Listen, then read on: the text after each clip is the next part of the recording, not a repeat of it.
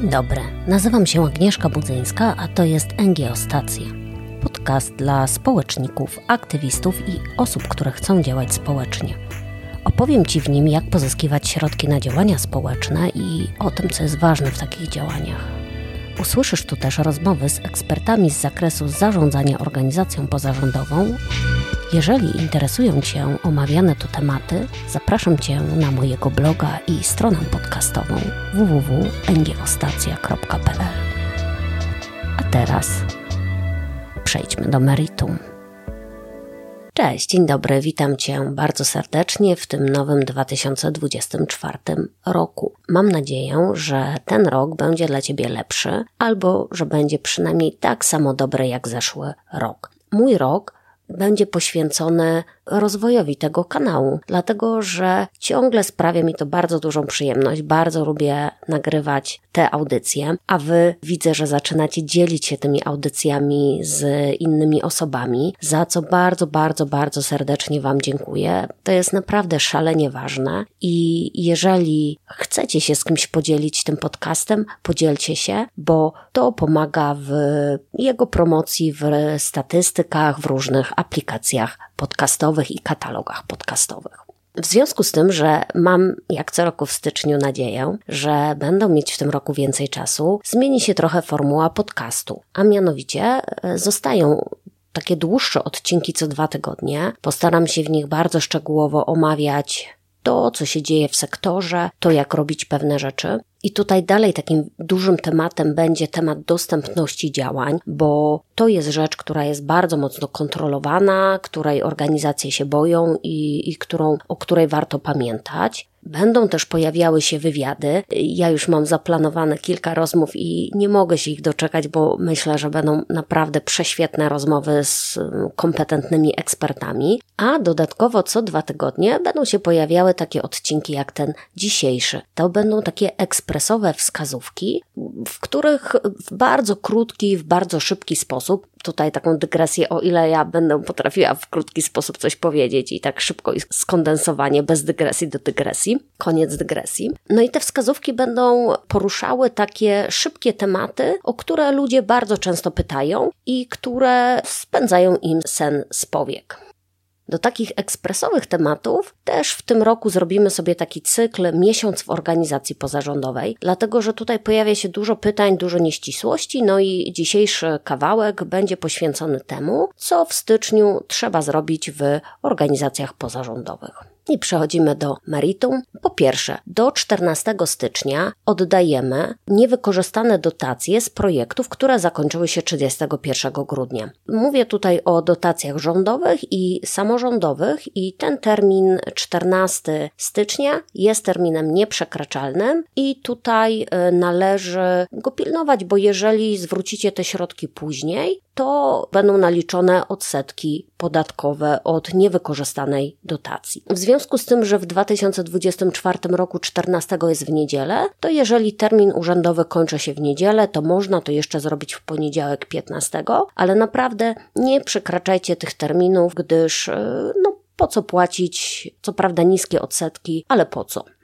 No i następny termin związany ze sprawozdawczością i sprawozdaniami to jest 30 stycznia i do 30 stycznia trzeba prawidłowo się sprawozdać. Co to znaczy prawidłowo? Najczęściej, o ile wnioski składa się w wersji elektronicznej, to sprawozdania składa się już w wersji takiej z podpisem i musicie doczytać w waszych umowach o dofinansowanie projektów. Mówię cały czas o tych projektach rządowych i samorządowych. Czy możecie złożyć to sprawozdanie w, wyłącznie w formie elektronicznej. Większość samorządów i instytucji rządowych do przygotowania sprawozdań posługuje się generatorami i tak Pierwsze, co robisz, to należy te sprawozdanie wysłać w generatorze do danej instytucji, ale w przeciwieństwie do wniosków o dofinansowanie, najczęściej te sprawozdania trzeba było jeszcze potem pobrać, wydrukować i podpisać zgodnie z reprezentacją. W związku z tym, że już od kilku lat występuje taki trend podpisywania wszystkiego ePUAP-em czy podpisem kwalifikowanym, sprawdź, czy i w jakiej formie możesz takie sprawozdanie podpisać elektronicznie, bo niestety te nowe technologie jeszcze nie dotarły do wszystkich placówek i czasami znajdują się takie wytyczne, że należy jednak mimo wszystko to zrobić w formie papierowej, a pamiętajcie, że jeżeli Twój opiekun, Twój grantodawca będzie z Ciebie zadowolony, to jest większa szansa, że bardzo szybko i sprawnie zatwierdzi Ci Twoje sprawozdanie, no i że otrzymasz dotację w kolejnych latach. Więc wiem, czasami warto powalczyć. Ja też mam taki, taką dużą dozę buntu, bo jeżeli coś można, to dlaczego nie? Ale w przypadku sprawozdań to jest smutny obowiązek, który trzeba bardzo szybko wykonać i o nim zapomnieć. A będzie szybciej, jeżeli zrobicie to zgodnie z zapisami umowy i zaleceniami osoby, która będzie to sprawozdanie przyjmować. No i już taki ostatni kawałek, jeżeli chodzi o sprawozdawczość, to pamiętaj, że są projekty, które rozliczamy innym trybem i na przykład do takich trybów należą dotacje z programu Aktywni Obywatele i tam sprawozdanie składa się do 30 dni od zamknięcia projektu, czy zgodnie z harmonogramem w Waszych generatorach. To sprawozdanie składa się wyłącznie w formie elektronicznej, czyli wysyłam je w generatorze i nie muszę go drukować i podpisywać. A jeżeli chodzi o finanse, to program Aktywni Obywatele dopuszcza jeszcze płacenie w styczniu za rachunki wystawione w grudniu i dotyczące grudnia, ale to jest takie koło ratunkowe dla tych, którzy zapomnieli. Myśmy policzyli wszystkie nasze aktywne obywatele i wydali do 31 grudnia, żeby nie trzeba było się tłumaczyć z rzeczy bo takie faktury dziwne zawsze potem wymagają tłumaczenia i są przedmiotem kontroli.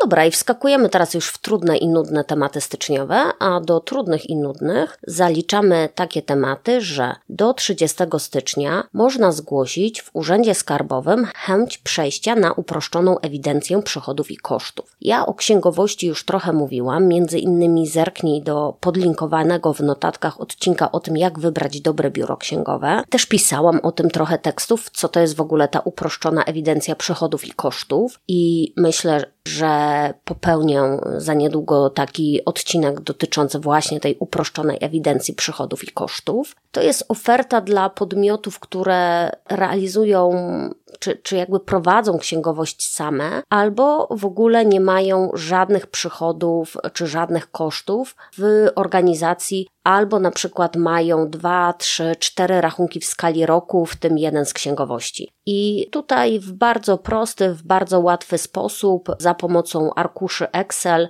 które są wydrukowane i podpisane, można sobie taką księgowość prowadzić. Pojawiają się też e, powolutku programy online, które są miesięcznie płatne, tylko pytanie jest takie, po co płacić, żeby samemu sobie zaksięgować trzy faktury. Do przemyślenia, do analizy finansowej już na takich waszych indywidualnych przypadkach. No i jest jeszcze jeden warunek. Jeżeli organizacja ma zarejestrowaną działalność gospodarczą, to nie może przeskoczyć w uproszczoną ewidencję przychodów i kosztów. No i jeżeli jeżeli organizacja ma status OPP, to też nie może tego zrobić. Jakie są plusy? Plusy są takie, że w bardzo prosty sposób można to zrobić samemu. Nie trzeba też składać sprawozdania finansowego. CIT 8 musimy. Do minusów zaliczamy to, że jest trudniej wyodrębnić rachunkowo dany projekt. No i czasami z tych zapisów z uproszczonej ewidencji przychodów i kosztów trzeba się gęściej tłumaczyć podczas kontroli projektu, ale jedno nie wyklucza drugiego. Ja uważam, że że uproszczona ewidencja przychodów i kosztów to jest taka fajna opcja dla organizacji, które chcą trochę przezimować, trochę zawiesić swoje działania, ograniczyć obowiązki formalno-prawne, nie mają zewnętrznego biura rachunkowego, nie za bardzo mają pomysł na rozwój, ale też nie chcą się likwidować. Zachęcam, składamy pismo do właściwego urzędu skarbowego i w tym piśmie informujemy, że 2024 rok nasza księgowość będzie prowadzona w formie uproszczonej, no i że w związku z tym nie będziemy składać sprawozdania finansowego w roku kolejnym za 2024 rok.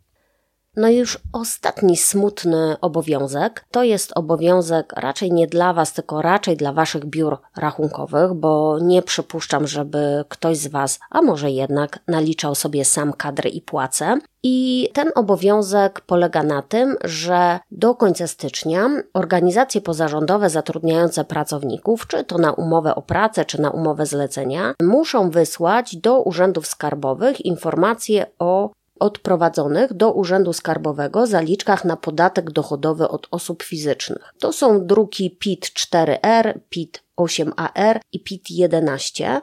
To robi się w formie tylko i wyłącznie elektronicznej. Najczęściej robią to tylko księgowi i księgowi podpisują te dokumenty podpisem kwalifikowanym. Większość księgowych takie podpisy ma i to za Was zrobi.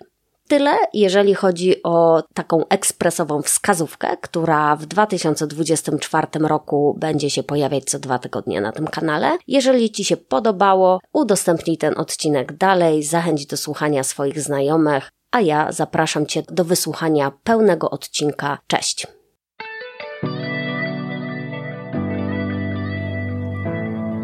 Dziękuję za wysłuchanie tego odcinka podcastu.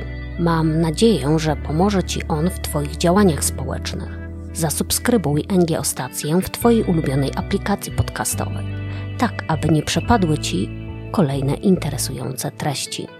Pamiętaj, że dodatkowe materiały i transkrypcje odcinków znajdziesz na ngoostacja.pl. Do usłyszenia, a teraz idź i zrób coś dobrego.